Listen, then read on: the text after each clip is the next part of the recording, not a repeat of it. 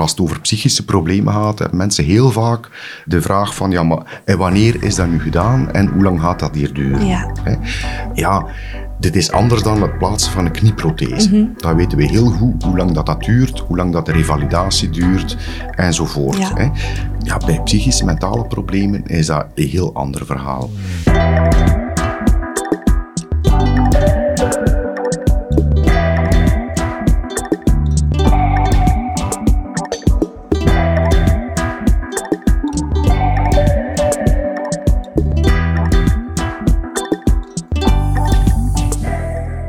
Dag Klaas, welkom in de podcast. Goedemorgen, eh, Evi. Ik begin altijd met aan mijn gast te vragen: buikgewoel, wat roept dat bij jou op?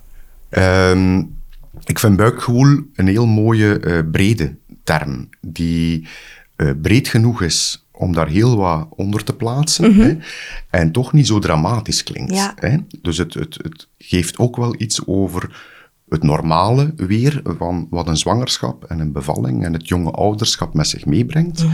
En dat is, en dat weten we heel goed, hier vanuit onze ervaring, als er nu één periode is die woelig kan zijn in het leven van een vrouw, dan is het wel heel die perinatale periode. Absoluut. En het gewoel zal voor heel veel mensen een andere betekenis hebben. Hè. Iedereen heeft wel zijn verhalen of Mhm. haar verhalen in die periode die woelig waren op een of andere manier. hè. Ja. En het feit dat het zo breed gaat, die podcasts, vind ik in die zin heel eh, interessant en passend bij de naam. Ja, oké, dank u. Misschien is het wel tof dat we even beginnen met eh, ja, voor te stellen. Wie ben jij juist? Wat is jouw functie hier op de moeder-baby-eenheid bij Carus? Ik laat het woord aan jou. Ja, ik ben eh, Klaas Bouters, 48 jaar. En ik werk eigenlijk al van 2003 binnen psychiatrisch ziekenhuis hier, Carus. En sinds eh, een aantal jaar op de moeder-baby-eenheid als afdelingsverantwoordelijke. Ja. Van vooropleiding ben ik maatschappelijk werker en heb dan... eh, eh, sinds 2010 zit ik dan eigenlijk wel meer in de, ook in een beleidsrol. En naast de afdelingsverantwoordelijke hier ben ik ook lid van het Vlaams Expertise-netwerk Perinatale Mentale Gezondheid. Oké, superboeiend. We gaan het vandaag meer hebben over de moeder-baby-eenheid hier op Carus. Een moeder-baby-eenheid is een psychiatrische afdeling, zeg ik dat juist? Dat klopt. Ja. Het is een psychiatrische afdeling, maar de moeder-baby-eenheid, wij noemen ons ook wel Centrum Moeder en Baby. Het feit dat ik centrum zeg, betekent ook dat het meer is dan een opnameafdeling hè, of een behandelafdeling. Het duidt erop dat we ook andere zorgmodules hebben. Hè. Opname, moeder en baby is eigenlijk maar één zorgmodule die we aanbieden. Daarnaast hebben we ook een aanbod van dagopname, dagbehandeling. Hè. Maar toch een van de belangrijke pijlers daarin, die, die niet altijd evenveel aandacht krijgt, is onze gespecialiseerde thuisbehandeling. Ja. En dat is ook wel een werkvorm die we bij voorkeur eerst inzetten. Ja. Hè, om op die manier toch een gespecialiseerd aanbod te kunnen bieden in een thuiscontext, om een opname te voorkomen, Mhm. of om te zorgen dat er wel gespecialiseerde behandeling is en dat zaken niet hoeven te escaleren. Ja, ja, dat het niet tot een opname hoeft te komen, Voilà. inderdaad. Want misschien is het wel interessant dat we daar eventjes dieper op ingaan.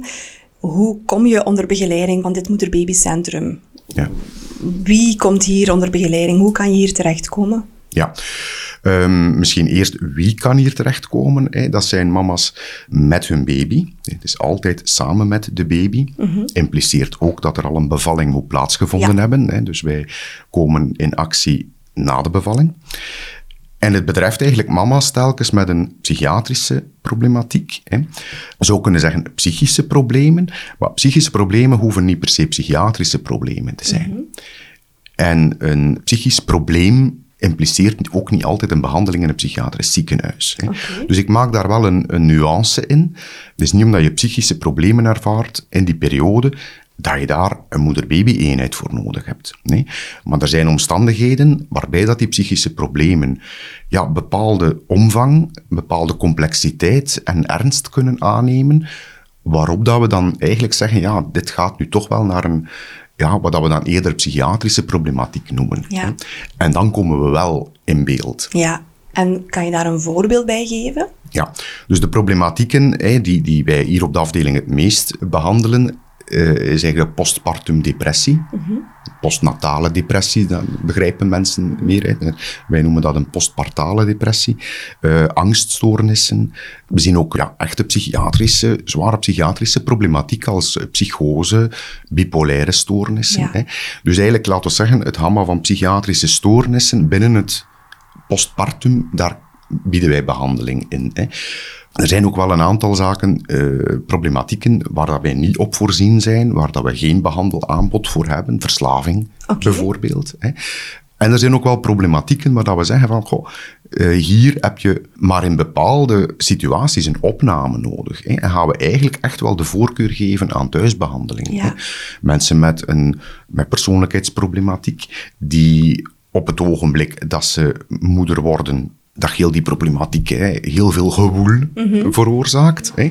Ja, daar hebben we wel de ervaring mee dat het vaak efficiënter is en ja, meer, betere resultaten geeft in een thuisbehandeling dan in een opnamesetting. Hè.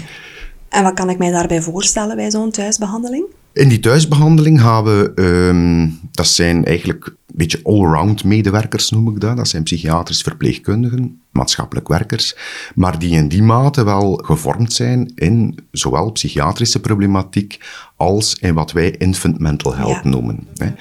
Eh, infant mental health is het domein van ja, de geestelijke gezondheid en het emotionele en sociale in ontwikkeling van een baby. hè. En die mensen komen eigenlijk in zo'n behandeling twee keer per week gedurende twee uur aan huis. Hè, en gaan eigenlijk heel sterk op maat en op wat nodig is in die situatie ja, mee, op, mee op pad. Ja. Ja? En hebben voortdurend aandacht voor zowel de psychische noden van mama als de psychische noden en de ontwikkelingsnoden van de baby. Ja. We weten dat de psychische problematiek van mama een enorme impact heeft op haar gevoelswereld, belevingswereld. Ook op die van de papa en het ruimere gezin. Ja. Maar niet in het minst ook op die van de baby. Ja.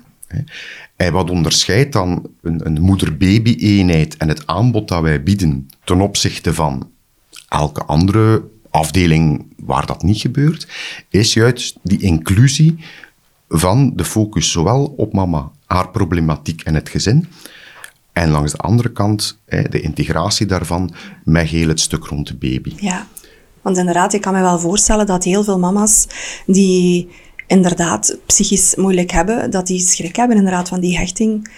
Ja, doe ik het nu wel goed? Is dat inderdaad dan iets waar dat jullie ook actief op inspelen? Ja. Ja, Ja. oké. Je ziet heel vaak dat er heel veel onzekerheid is rond het moederschap. hè. Heel vaak het gevoel van schaamte, het gevoel van falen, het gevoel van, ja, ik, ik doe dit echt niet goed. Hè.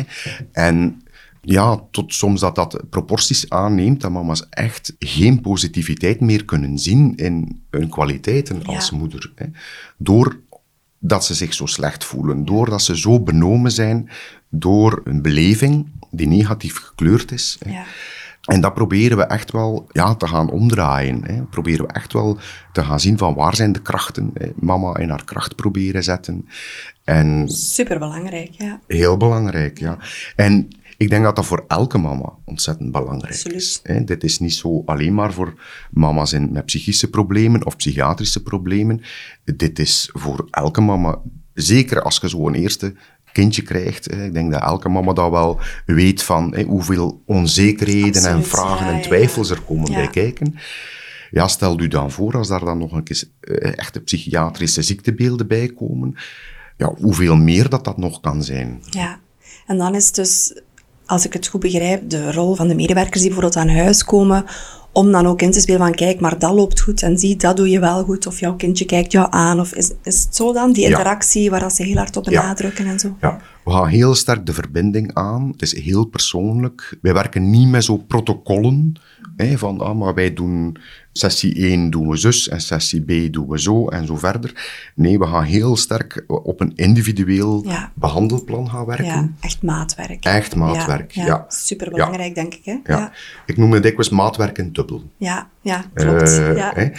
Dus dat is ontzettend belangrijk, ja, inderdaad. Hoe proberen jullie die partner te betrekken in zo'n thuiscontext? Wel, in die thuisbehandeling hebben we vaak het voordeel dat die partner ook thuis is, hè, eh, of toch op bepaalde momenten thuis is. En dan gaan we daar ook wel op inspelen. Hè. We willen die partner ook wel echt betrekken en zien in die thuiscontext. Het gaat hem over gezinsgegeven. Hè. En wat betekent het voor die partner dat met mama niet goed gaat, dat met de partner niet goed gaat. Hè. Maar het voordeel in die thuiscontext is dat die partner daar in zijn eigen habitat is en, en op een ja, toegankelijkere manier te betrekken is. Hè. Ja, kan ik me wel voorstellen. Ten opzichte van een opnameverhaal, ja, is dat anders. Hè. Dan, dan kan die partner hierheen komen, maar dat is niet zijn eigen habitat, dus dat voelt uiteraard vreemder. Hè. Wat wel is, om dan even in het opnamescenario door te gaan, wij zien partners niet als bezoek. Hè. Ik heb het altijd over partners, niet altijd, meestal zijn dat vaders. Maar het kunnen ook meemoeders zijn. hè? Het kunnen meemoeders zijn, hè, dus het is een, een ruimer begrip. Hè, dus partners zien wij niet als bezoek. Dat wil zeggen, die hoeven zich niet aan de bezoekuren te houden.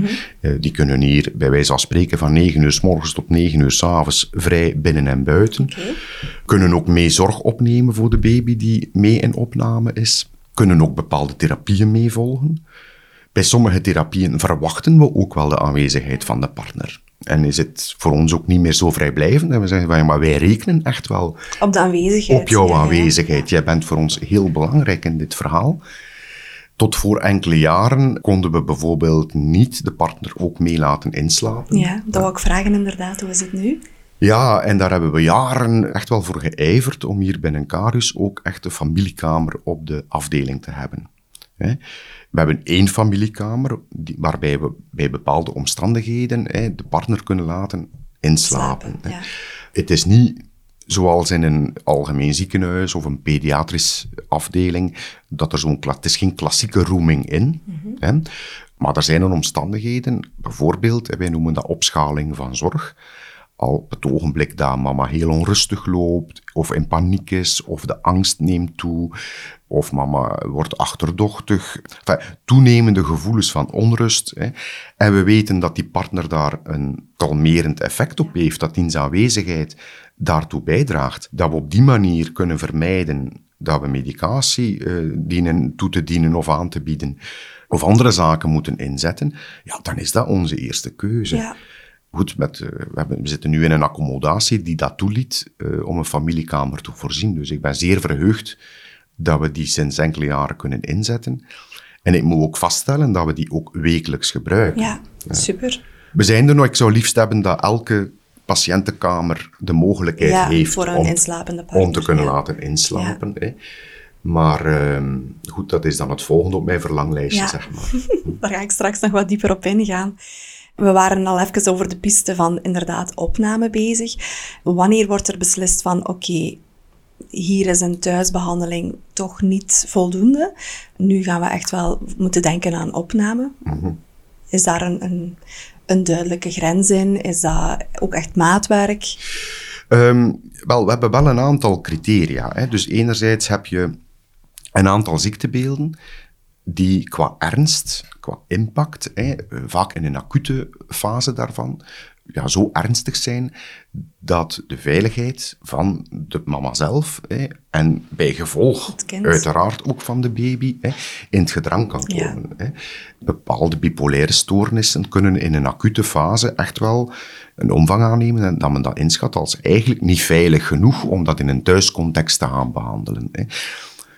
Ik zeg heel duidelijk, niet altijd, hè, omdat eens dat ziektebeeld gestabiliseerd is, kan dat perfect. Maar ik zeg het, in bepaalde acute fase hè, zit je dan toch met het aspect veiligheid. Hè. En dat is één aspect waar we meepakken in het beoordelen van opname of niet. Hè. Maar veiligheid gaat breed. Hè. Ook in andere eh, ziektebeelden kunnen we in situaties komen waar een mama aangeeft van ik kom eigenlijk niet meer tot het gewone functioneren. Ja. Ja? Niets lukt nog. Hè. De basiszorg voor de baby opnemen lukt niet meer. Hè. Dat is ook in een zekere zin onveilig ten opzichte van wat die baby nodig heeft. Klopt, ja. En als we dan in een context zitten binnen dat gezin waar er niet zoveel steunend netwerk is, ja, kan ook een element zijn waarop dat we eigenlijk gaan beoordelen van ja, hier hebben we misschien eerder een opnamesetting nodig. Ja. Omdat die omkadering binnen de opname er wel is. Ja. Dus er zijn wel een aantal ja, handvatten die we kunnen ja, beroeren om te kijken van hoe moeten we dit inschatten. Hè? En is dit altijd in samenspraak met de moeder en dienstpartner, of kan het ook gedwongen gebeuren? Goh, het- ja, in heel zeldzame situaties kunnen er gedwongen opnames gebeuren. Maar ik zeg, dat is eigenlijk uitermate zelden. Ik denk afgelopen twee jaar we geen één gedwongen opname op de afdeling gehad hebben. Ja, hè. Dus het is echt een hoge uitzondering, maar het kan. Ja. Hè. Maar quasi altijd is dit in samenspraak. Ja. Hè. Elke eh, behandelmodule gaan we zowel met mama en liefst ook met de partner doorspreken. Hè. We weten ook dat daar waar de partner niet achter de behandeling staat, ja, dat we daar eerst moeten rondwerken. Ja. Eh, omdat we eigenlijk dan ook wel een valse start nemen Ja, als we dat niet doen. Ja. En je zegt daarnet we. Wie zijn we? Ja, ik spreek over we, als we het hebben eigenlijk. We zijn heel teamgericht. Ja. En als het over een indicatie van opname gaat, dan zitten we wel, wel meer op het domein van de psychiater. Mhm. Maar mee ook in overleg met mij dan als afdelingsverantwoordelijke en de psychologen. Maar het zwaartepunt ligt daar wel bij de psychiater om dat te beoordelen. Hè.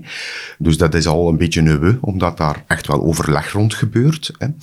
En eens we in behandeling zitten, eens die behandeltrajecten lopen, hebben wij een heel sterke multidisciplinaire werking. Ja. Hè. Eh, We werken enorm veel samen om de verschillende invalshoeken bij elkaar te krijgen. Ja.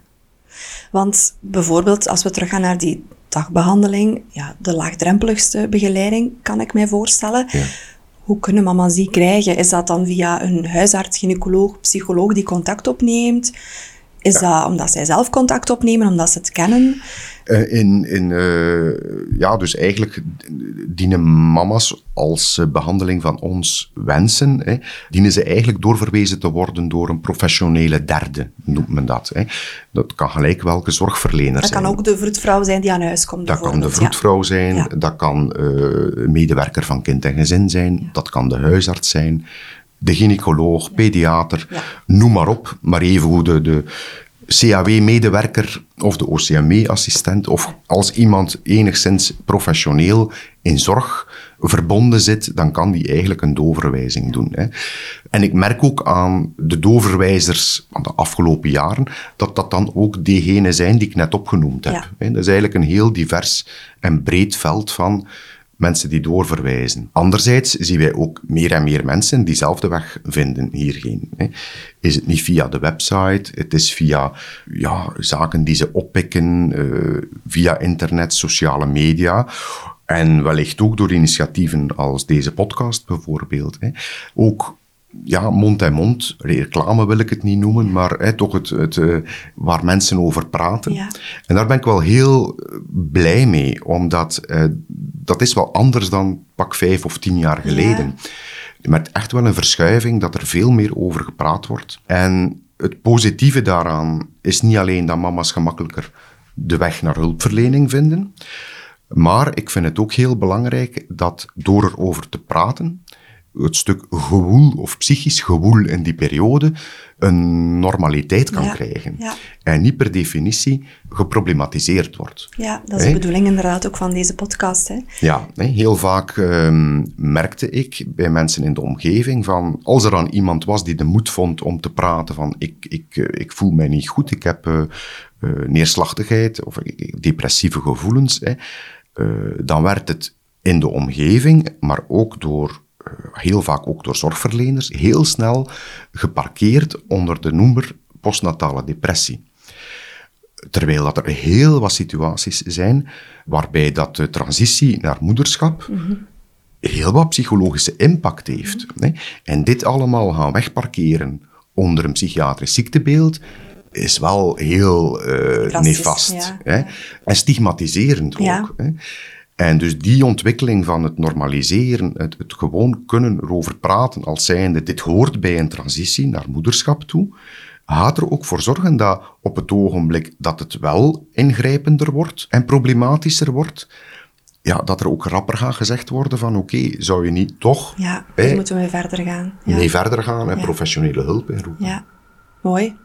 Het is inderdaad zo. Ik ben nu ruim elf jaar eh, aan het werk als vroedvrouw. Toen ik studeerde, Ik had nog nooit gehoord van een, eh, een moeder-baby-eenheid of centrum.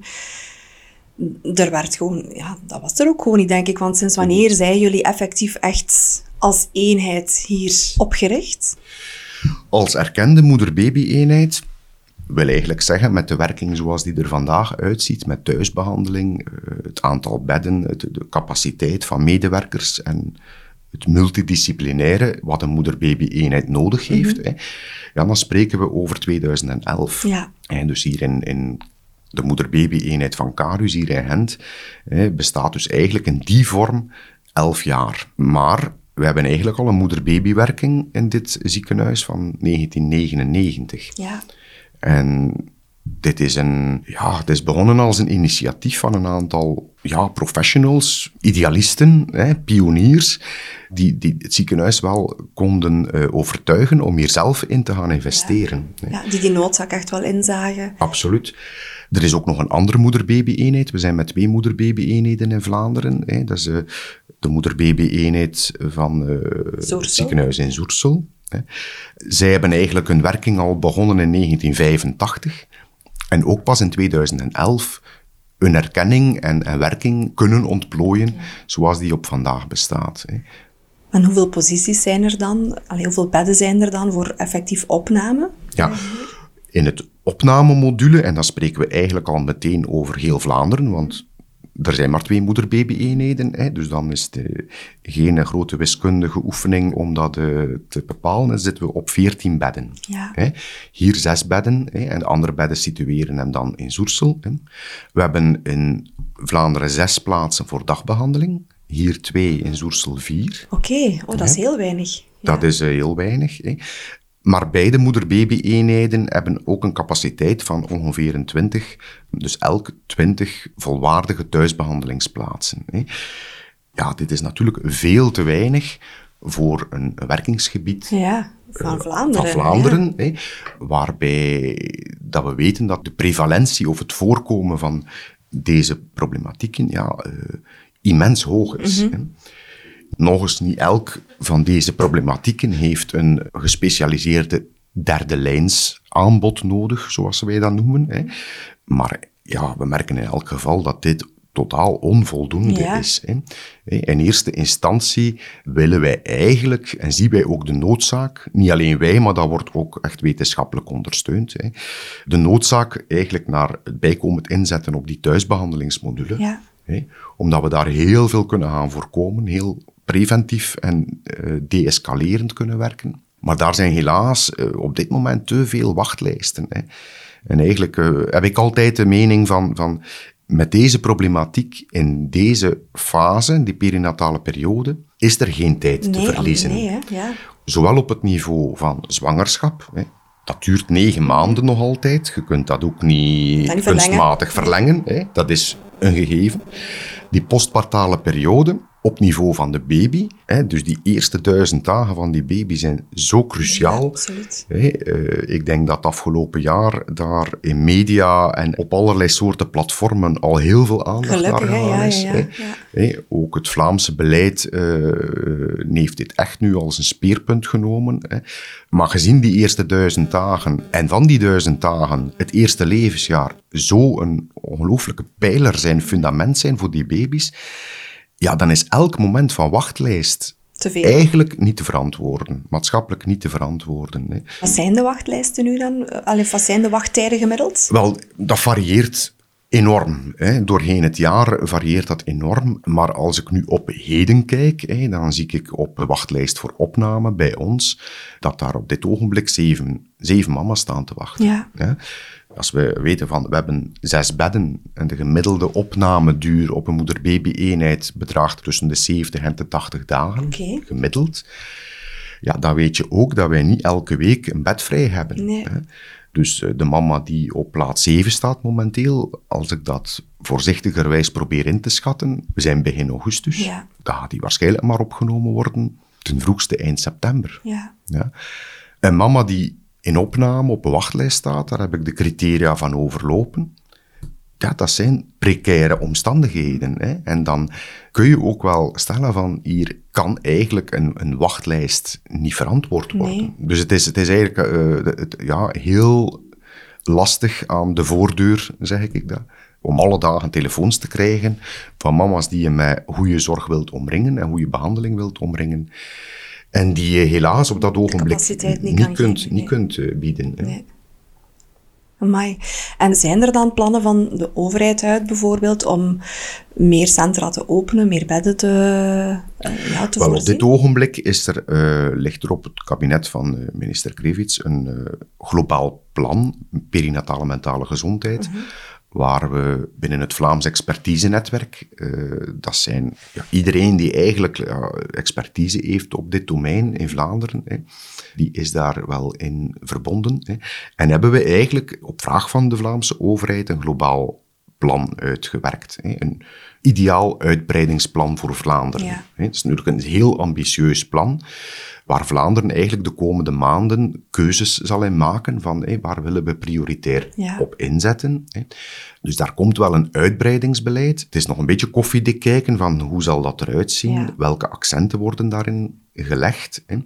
En gaat dat ook voldoende antwoord bieden op de meest acute problemen. Ja. Uh, nu, we zijn hoopvol, uh, vol verwachting ik hoop ook dat die verwachtingen uh, een stuk gaan ingelost worden, uiteraard. Hè. Maar goed, ik, uh, ik, ga altijd uit van positieve en uh, vertrouw wel dat er zaken te goede ontwikkeld worden. Het is de eerste keer dat we echt over een fundamenteel uitbreidingsbeleid spreken, dat dit echt ook op de politieke agenda staat. En ook de eerste keer dat dit ook effectief in het Vlaams regeerakkoord opgenomen is. Oké, nu hopen dat dat nog zijn laatste weg kan vinden. Absoluut. Om werkelijkheid te worden. Want hoe zit het financiële plaatje als mensen begeleiding krijgen van jullie thuis of hier in opname of dagtherapie? Wel, die erkenning, en dat is eigenlijk de, de Vlaamse overheid, is, is de instantie die die erkenning en de subsidiëring van de moeder-baby-eenheden uh, als bevoegdheid draagt. Hè.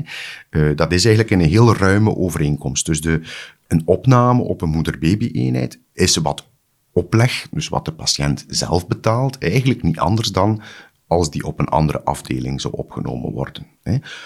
Uh, ondanks het feit dat de omkadering op een moeder-baby-eenheid ja, veel groter is dan op, op heel veel andere afdelingen. Hè. En dat we bovendien hier ook met een baby zitten en al de zorg die daarbij komt kijken. En, uh, en dat is eigenlijk alles wat de baby betreft, is eigenlijk volledig binnen die overeenkomst betaald. Dat is uh, binnen de zorgkas zit dat dan. Maar dus een opname op een moeder-baby-eenheid eh, is op geen enkel ogenblik anders dan op een andere afdeling, financieel gesproken. Binnen een thuisbehandeling is het zo dat het, stukje dat de mama zelf betaalt, is... Goh, ik kan het nu op de eurocent niet zeggen, maar het is geen 2 euro per huisbezoek. Dus aan de meest intensieve vorm, twee keer per week, ja, dan zitten we misschien aan een 20 euro per maand wat een mama zelf betaalt. Ja. De rest betaalt eigenlijk de zorgkas. Ja, oké. Dus dat is eigenlijk wel vrij mooi uh, ja.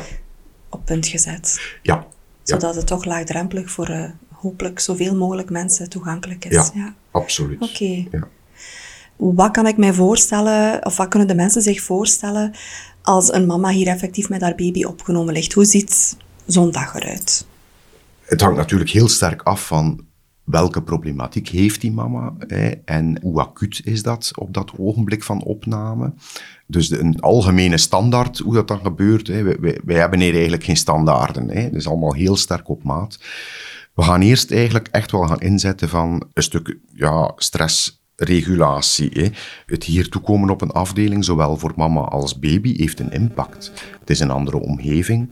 Hier zijn nog andere mama's met baby's. Hè de ervaring en eh, de emotie van ben ik nu in een psychiatrisch ziekenhuis op een afdeling opgenomen, die impact, ja, dat brengt heel vaak een en ander teweeg. Ja, ik kan me wel voorstellen. Dat is een stap, hè? Ehm, ja. Absoluut. Dus we gaan in eerste instantie inzetten op installatie van rust, zowel voor mama als voor baby, als voor de partner. We hebben heel vaak partners die in het begin van een opname ook wel enkele dagen blijven inslapen. Ja. En dat heeft uh, heel vaak een positief effect op dat stuk. En in die eerste dagen, eerste weken, gaan wij enorm veel inzetten op ja, het leren kennen van elkaar. Wie is die mama? Wie is die baby? Wat zijn hun noden? Ja. Want als we maatwerk willen leveren, ja, dan moeten we heel goed kunnen inschatten van wie zijn jullie ja, en wat hebben jullie nodig. Ja. Dat is eigenlijk het eerste. En op basis daarvan gaan we samen met mama, liefst ook met de partner erbij en het team. Hè, dus we zetten die eigenlijk samen. Hè. Dan zitten we daar zo met dikwijls 10, 12, 14 mensen aan een tafel met mama en partner erbij. Gaan we eigenlijk een behandelplan gaan afspreken met elkaar. Van wat gaan wij doen? Wat wil jij doen? Waar wil jij staan op het einde van een behandeling? Hè? Hoe kijken wij daar vanuit verschillende disciplines naartoe? En hoe kunnen we een gezamenlijk behandelplan ontwerpen met elkaar? En dat gaan we dan eigenlijk telkens gaan evalueren om de zoveel weken En bijsturen. en bijsturen. En bij voorkeur ook altijd met die partner erbij. Ja. Dat lukt niet altijd. En in coronatijd deden we dat dikwijls met de laptop en de Ja. eh, digitale verbinding erbij. Ja, soms zeggen partners ook, ik zou wel graag willen komen, maar ik kan geen vrij afkrijgen op het werk. Uiteraard. Hè. Maar wij zijn altijd open en vragen de partij om, om zoveel als mogelijk eh, partner erop betrekken, bij te hebben. ja. Ja. En dan gaan we eigenlijk gaan evalueren en bijsturen tot als we in een, laten we zeggen, een beetje fase van nabehandeling komen. Hè, van hoe, hoe moet dit hier nu verder nadien? En dan hebben we heel veel opties. Hè. We kunnen gaan doorverwijzen naar een zorgnetwerk of zorgverleners in de buurt waar de mama van afkomstig is of het gezin van afkomstig is. Maar we hebben eigenlijk ook de mogelijkheid om bijvoorbeeld nog een stukje dagbehandeling na opname aan te bieden. Of om nog een periode thuisbehandeling aan te bieden aan het gezin. hè. En die overgang naar die thuiscontext geleidelijker te laten verlopen. hè. Ja, ik kan me inderdaad wel voorstellen. En dat is ook van, ik heb al een gesprek gehad met een, een koppel waarvan de vrouw hier inderdaad opname gehad heeft een aantal jaren terug. En die gaf dat inderdaad ook aan, van, ze, ze heeft hier toen ook een ruim twee maanden opname gehad. Ja, de stress die die partner ook ervaarde voor die thuiskomst, van ja, en nu gaan we het zelf moeten doen, dat dat wel heel fijn was, dat daar ook een nazorg was. Dat ze konden terugvallen inderdaad op eh, de zorgverleners van hier. Ja. Eh, ook de psychiater, dacht ik, waar dat ze Ja. af en toe nog op gesprek bij kon gaan. Dat het toch niet ineens abrupt stopt, hè. Nee, dat is Ja. ontzettend belangrijk. En eh, het is niet altijd noodzakelijk dat wij dat doen. Ik denk, dat, ja goed, we hebben, ik zeg het, met de wachtlijsten en de dingen die er zijn, eh, zijn wij heel blij dat er binnen de rest van het zorglandschap hè, eh, meer en meer zorgverleners, hè, ook privépraktijken, waar je ziet dat die zich meer en meer beginnen profileren en specialiseren In dat perinatale in dat landschap. perinatale. En dat hebben we echt wel nodig. Ja. eh, om dat breder te krijgen, gespecialiseerder te krijgen, hè, zodanig dat we die, die nabehandeling en ook die voortrajecten hè, eigenlijk daar kunnen houden. En dat wij dan als derde lijnsdienst, gespecialiseerde dienst, hè, ook ondersteunend kunnen zijn naar die diensten. Hè. Niet alleen van wij als zijnde wij hebben de expertise en bieden behandeling aan, maar ook op welke manier kunnen wij expertise delen naar andere zorgverleners toe, naar andere ziekenhuizen toe, hè, en hoe kunnen we ja, daarin samenwerken met elkaar, hè, zonder dat we per se de behandeling moeten overnemen. overnemen. Hè, Maar hoe kunnen we toch eh, samenwerken met elkaar in heel dat domein. Hè. En dat hoop ik ook al- als droom, doordat we echt wel naar een soort perinatale netwerken kunnen gaan, met de focus op die primaire zorg voor mama, baby, partner, noem maar heel het gezin dan, hè, vanuit, niet meer zo direct vanuit diensten, hè, maar echt wel vanuit een perinatale samenwerking tussen Ja. diensten. Ja. Ja, en het lijkt mij ook gewoon... Ik, ik werk nu zelf op een raadpleging hier in het UZ in Gent. Met ons zorgpad rondom het mentale welzijn. Wij bevragen in de zwangerschap onze zwangeren allemaal. En het is vaak inderdaad door er gewoon actief aandacht aan te besteden, dat je een eerste zaadje kan planten van oké, dat is eigenlijk oké om te spreken over inderdaad dat mentale stuk, die Ja. beleving van die zwangerschap. Want het is vaak in de zwangerschap dat de, dat de basis al gelegd wordt van wat nadien soms ja, kan eh, escaleren. Hè? Ja, Dus eh, ja, mij lijkt het ideaal als we naast de hele goede verloskundige zorgen die we hebben in ons land, dat we op dat mentale stuk ook preventief meer kunnen inzetten. Hè? ja. Ik denk dat we veel meer schade kunnen... Het is zoals dat je zegt, het begint met dat het normaal mag zijn om erover te praten. Ja. En daar begint het mee. En een mama die bij wijze van spreken geen uh, ja, psychische lading voelt of, of, of gewoel voelt, zeg maar, hè, die zal ook wel appreciëren dat daarachter gevraagd wordt. Hè. En als er iemand is die wel gewoel voelt, dan zal dat inderdaad misschien iemand zijn die begrepen heeft van oké, ik, ik word hier erkend, mm dat dat misschien iets normaal kan zijn en ik mag daarover praten. Ja. Hè. Dat dit gewoon bij een van de complicaties rondom zwangerschap en geboorte kan horen. We, we bedenken bij complicaties altijd aan die fysieke complicaties, vroeggeboorte, zwangerschapsvergiftiging, spoedkeizersnedes, wat dan ook. Maar dat mentale stuk zou gewoon een van, van die zaken mogen zijn die daar ook bij kunnen horen. Wat, dat is heel mooi, omdat het, het wetenschappelijk onderzoek, als je kijkt naar postnatale complicaties, mm preeclampsie en, en oh, er is een hele lijst van zaken die, die dan zouden kunnen gebeuren. En dat komt dan ook vaak aan bod in prenatale consultaties. Er is er ene die er torenhoog bovenuit schiet als complicatie postpartaal, en dat is die postpartum depressie. Ja. Die zakt niet doorheen de jaren. Die staat daar torenhoog boven te blinken, maar daar, wordt, nee, daar mogen we precies niet over praten. En die komt ook veel te weinig aan bod als complicatie in de prenatale consultaties. Absoluut. Het is al, de olifant in de kamer. Ja, dat is, uh, dat is echt zo. Ja. ja. Het is vaak ook gewoon uit... Je ziet het als zorgverlener wel vaak, van je zit meer onder, je zit meer achter. En ik, moet dat zelf ook toegeven, vroeger durfde ik er ook niet altijd op doorvragen, omdat je schrik hebt voor wat er dan, welke beerput dat je dan opentrekt. En ja, ja. en ja dan, waar moeten we ze dan naartoe verwijzen? Door, ik heb nu zelf die opleiding perinatale coach gedaan. En ook gewoon door in een universitaire setting te werken, waar wij zelf ook goede opleiding krijgen, goede omkadering krijgen. We hebben psychiater, we hebben psychologen, ja, die heel laagdrempelig bij ons op de poli consulteren.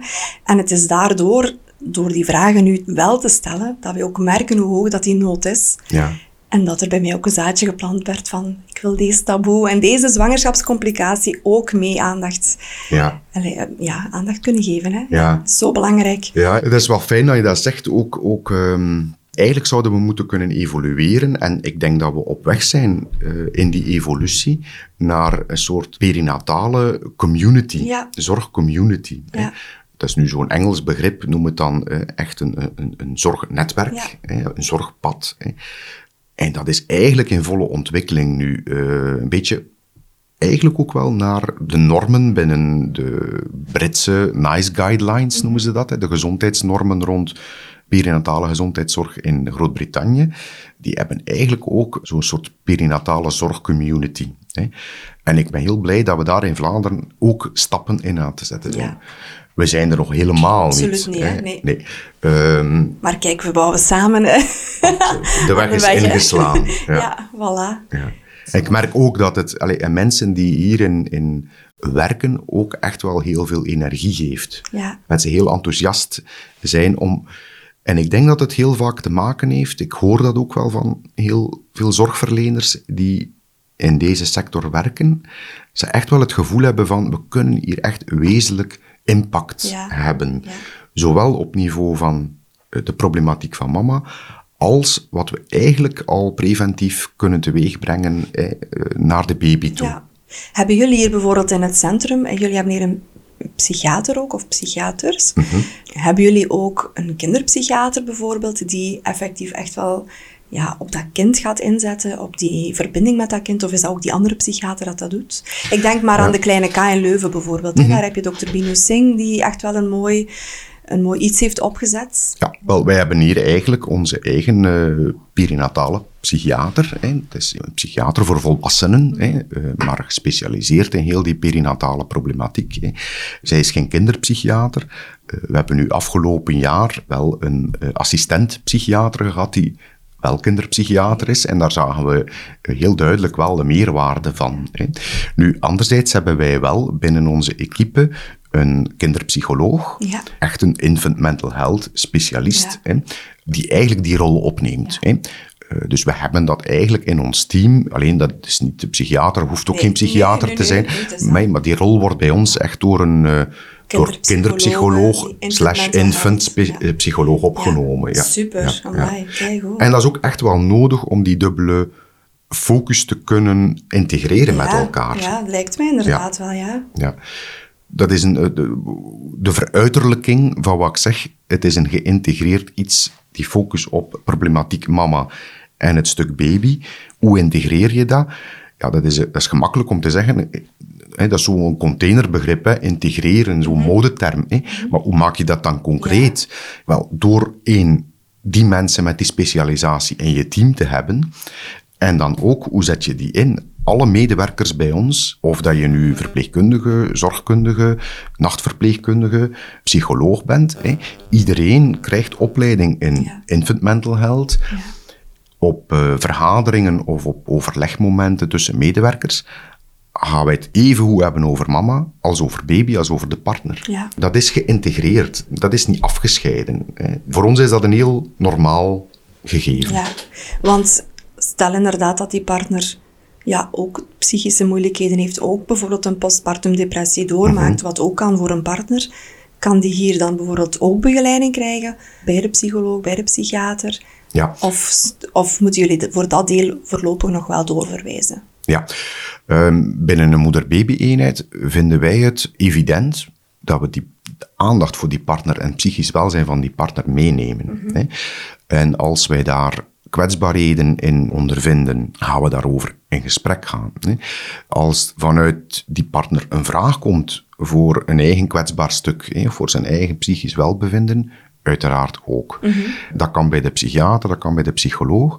Maar als we merken van, goh, die heeft echt ook wel wat meer begeleiding hierin nodig. Hè. Dan gaan we eerder gaan doorverwijzen naar gerichte psychologische ondersteuning in de omgeving Ja. van die Ja, mensen. Hè. Ook op het ogenblik dat de behandeling hier dan afgerond wordt, ja, dat daar wel een continuïteit kan zijn nadien. En dat dat dan bij voorkeur gebeurt in het netwerk van, of in de omgeving waar dat die mensen dan woonachtig zijn. Ja, oké. Goed. Ik ben ook benieuwd, stel nu dat een mama dit doormaakt bij, ja, bij haar eerste kindje. Ik heb ook door de gesprekken al gemerkt dat ja, die twijfel voor eventueel een volgend kindje, willen we dit nog eens doormaken? Ja. Durven we dit nog eens aangaan? Kunnen zij daar bijvoorbeeld ook ondersteuning in vinden hier? Worden zij laagdrempeliger geholpen als zij hier al een traject hebben gehad na een eerste kindje bijvoorbeeld? Ja, dat is een goede vraag. Hè? Omdat bepaalde ziektebeelden zijn daar gevoeliger aan dan andere. Hè? Er zijn eh, ziektebeelden die een, een grotere kans op herval hebben of hè, het opnieuw voorkomen van. Hè? En op het ogenblik dat er al een keer zo'n episode geweest is, ben je daar ook wel wat kwetsbaarder voor. Dus wat wij altijd aangeven bij mama's, eigenlijk gelijk over welke problematiek dat het gaat, is van, goh, je hoeft die kinderwens niet meteen op te bergen. Maar laat dat wat tijd. Laat u niet opjagen. Hè, en probeert samen als koppel te voelen van, kunnen we dit dragen? Dus daarover praten met elkaar is ontzettend belangrijk. Niet alleen is mama daarvoor klaar, maar zijn we er als gezin voor Ja, klaar. Hè? ja. Dat is één. Twee, is het ontzettend belangrijk om, liefst al van eh, voor de conceptie, daar ook met zorgverleners over in gesprek te gaan. Met de psychiater, met de psycholoog. Hè. Hen ook mee te nemen in dat verhaal. Op het ogenblik dat dat ziektebeeld ook een medicatiebeleid Vraagt. ja, zorg dan dat je bij een psychiater terecht kan, waar je al eerder bij geweest bent en hè, door, Die je door, verhaal hè, ja. die je verhaal kent hè, en die echt wel specialisatie in dat perinatale heeft, hè, omdat die ook wel kan inschatten van welke medicatieaanpassingen doen we dan in de zwangerschap, hè, hoe moet dat dan, wat zijn de laatste wetenschappelijke inzichten daar rond, zodanig dat je goed geïnformeerd bent als patiënt hè, en toch wel de best mogelijke opvolging kunt hebben in Ja. die zwangerschap. En op het ogenblik dat het dan inderdaad moeilijker loopt, hè, ja, dan kan je ook veel sneller bij die hulpverlening terecht en kunnen we ook veel gemakkelijker gaan bijsturen. Ja. En we merken dat mama's en koppels die die opvolging en die adviezen opvolgen, ja, dat we eigenlijk heel vaak merken dat een verdere behandeling niet nodig is en dat we iets kunnen voorkomen hebben. Ja, super hè. Ja. Dus het is ook nu dat we ook een stukje eh, naast de polyklinische consulten bij de psychiater, hè, dat wil zeggen consultaties zonder iemand in een opname of dagbehandeling of thuisbehandeling zit. Hè, dus gaat gewoon op consultatie binnen het ziekenhuis en, en that's it. Dat is wat wij polykliniek noemen. Hebben wij nu sinds januari ook in beperkte mate weliswaar, maar ook voor psychologische opvolging. Dus dat kan eigenlijk op dat vlak wel heel wat opvangen, zeker in die zwangerschap. Liefst van al zouden we ook in die zwangerschap ook al thuisbehandeling kunnen opstarten. Helaas hebben we die erkenning niet, kan dat op vandaag niet. Maar we zijn heel sterk vragende partij om in die zwangerschap al te kunnen opstarten. Ja, dat betekent wel een uitbreiding van ons team. Want uh, als we nu al met zoveel wachtlijsten zitten en nog een keer de zwangerschap erbij nemen, dan, dan worden die wachtlijsten alleen maar langer. Ja, dat kan niet de bedoeling zijn. Maar met meer personele middelen zouden we een enorm verschil kunnen maken, ook daar. Kijk, we mogen blijven dromen, hè? Absoluut. Kunnen maar streven. Is er iets wat je zelf nog graag zou willen toevoegen, Klaas? Um, well, misschien zijn er wel nog een paar dingetjes dat ik nu zo aan denk. Zo drie dingen dat ik denk van, allee, dat ik zo, dat ik merk van hoeveel keer moet ik dat zeggen? Ah, Constant. Ja. Dat is eigenlijk zo het aspect tijd. Nogal wat mensen, en dat, dat, dat is niet anders bij, bij mama's en partners van mama's, maar als het over psychische problemen gaat, hebben mensen heel vaak de vraag van, ja, maar en wanneer is dat nu gedaan en hoe lang gaat dat hier duren? Ja. ja dit is anders dan het plaatsen van een knieprothese. Mm Dan weten we heel goed hoe lang dat, dat duurt, hoe lang dat de revalidatie duurt, enzovoort. Ja. Hè. Ja, bij psychische mentale problemen is dat een heel ander verhaal. Mijn ervaring is, en die is niet wetenschappelijk ondersteund, maar door al die jaren merk mhm. ik wel dat dat toch een constante is, is mama's en mee ook doorgetrokken partners die het aspect tijd en de tijdsdruk van wanneer moet dit voor ons weer afgelopen zijn en genormaliseerd zijn, zij die dit kunnen loslaten, die tijdsdruk en dat tijdsaspect, die evolueren sneller. Ja. Het constant bezig zijn van het gaat toch binnen 14 dagen of binnen een maand al veel beter zijn, zet eigenlijk een rem op het helingsproces, zeg ik dan, het behandelproces. Dat is één. Een andere dat ik denk van, goh, dit is toch ook wel heel belangrijk, is hoe gaan we om niet als zorgverlener alleen, maar ook heel sterk in, in onze omgeving, mhm. hè, met mama's mhm. met psychische problemen. Hè. En daar zit heel veel verschil in. Wij voelen dat we te maken hebben met heel ondersteunende en begripvolle partners. En moeders en schoonouders en zussen en werkgevers, collega's, uh, buren enzovoort. Hè. En dat is het beste scenario. Mhm. We hebben niet liever dan dit. Hè. Dat de mama zich gezien voelt, erkend voelt, mag voelen wat ze voelt hè, en steun krijgt onvoorwaardelijk. Hè. Nu, helaas is dat niet de standaard. Nee, hè. En heel vaak, en nog te vaak, zien we vanuit die verschillende contextpersonen hè, heel vaak vooroordelen, heel veel oordeel, heel veel tijdsdruk. En dit kunnen we echt missen als kiespijn. Uh, we, in eerste instantie kan mama dat missen als kiespijn. Absoluut. En dit zorgt eigenlijk ook wel voor een vertraging van heel het proces en een, een complexiteit binnen die behandeling. Dus uh, als ik even een pleidooi mag maken voor het onschuldigen, het begrip hebben voor, mhm. het tijd laten voor, dat zou het voor mama's een heel stuk draaglijker maken en ja. Uh, het helingsproces, het behandelproces enorm vooruit helpen. Ja, ja, het is nog al te vaak dat uh, als je bevallen bent, wordt er gezegd, geniet ervan. Als je, als je dan iets voorzichtig durft aangeven van, ja, maar ik voel me eigenlijk helemaal niet blij, of ik voel niet die verbinding met mijn baby, of ik ben niet verliefd, of ik vind het eigenlijk niet leuk, wordt het toch al te vaak nog zo, wordt er ofwel niet op ingegaan, ofwel wordt er, ja, maar je hebt nu toch dat gezond kindje, zijn ze nu niet blij dat je dat kindje hebt? Ik denk dat het heel moeilijk is voor mama's om dan nog eens uit te spreken van, ja, maar het gaat echt wel dieper dan dat. En ik vraag me soms ook wel af, zeker zo de generatie ja, van de grootouders dan vaak. Ik denk soms, maar dat is ook totaal niet wetenschappelijk onderbouwd, dat dat vaak ook voortkomt uit een stukje eigen kwetsuur, waar ook nooit aandacht voor was in die mhm. tijd, omdat het taboe zoveel jaren terug nog ja, tien keer groter was, denk ik. Ja. En die hebben het ook allemaal maar alleen moeten doen. Mhm.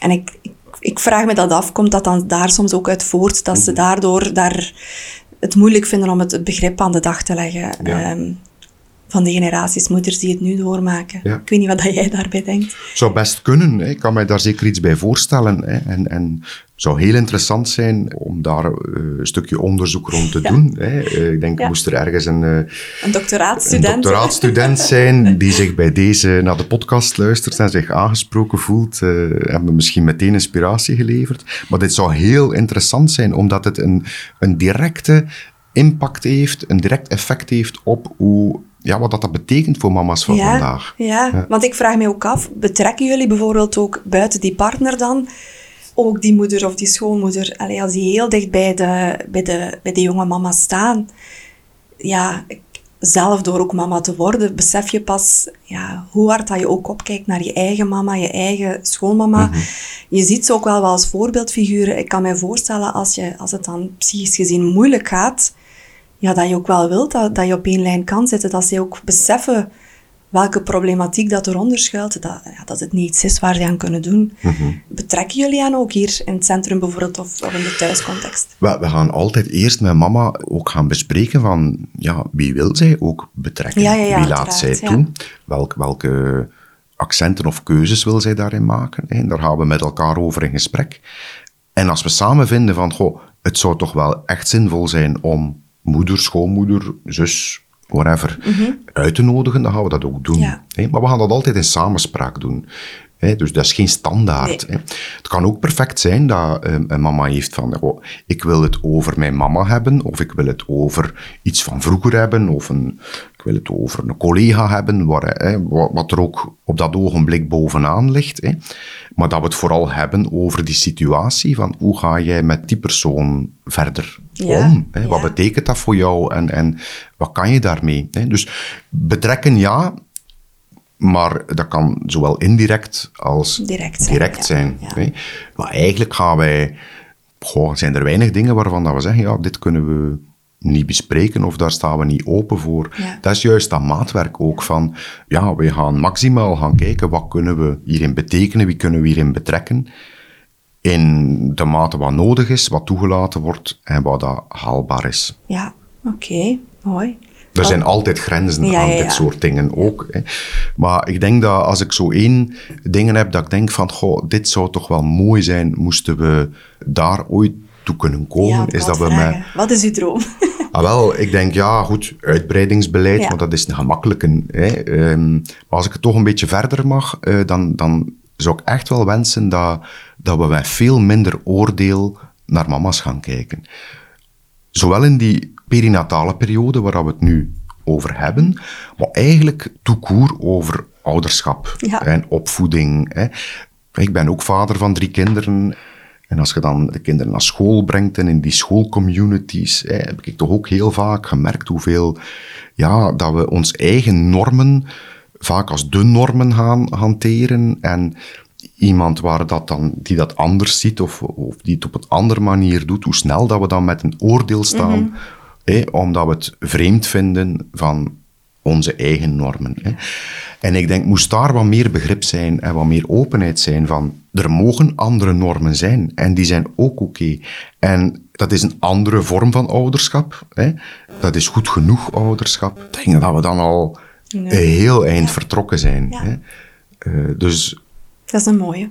Dat zou dan echt wel de, de eerste wens zijn, denk ik. Ja. Oké, ik denk dat dat een mooie boodschap is om mee, mee af te ronden, Klaas. Mag ik jou heel hard bedanken om deze ja, super interessante werking van jullie dienst eigenlijk een beetje meer toe te lichten, een beetje meer uit de taboesfeer te halen, om inderdaad hopelijk het, het hele perinatale spectrum van uh, gevoelens dat het met zich kan meebrengen ook wat te normaliseren. Dat is heel graag gedaan. Dank je wel daarvoor. Met plezier. Ben je benieuwd om de moeder-babywerking vanuit het perspectief van een mama te leren kennen?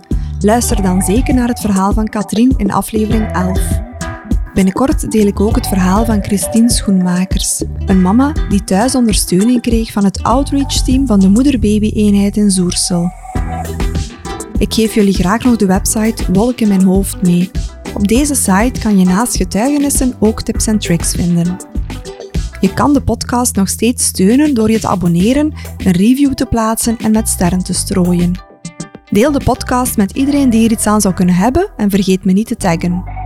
In de volgende aflevering ga ik in gesprek met de oprichtster van het Berrefonds. Bedankt om te luisteren.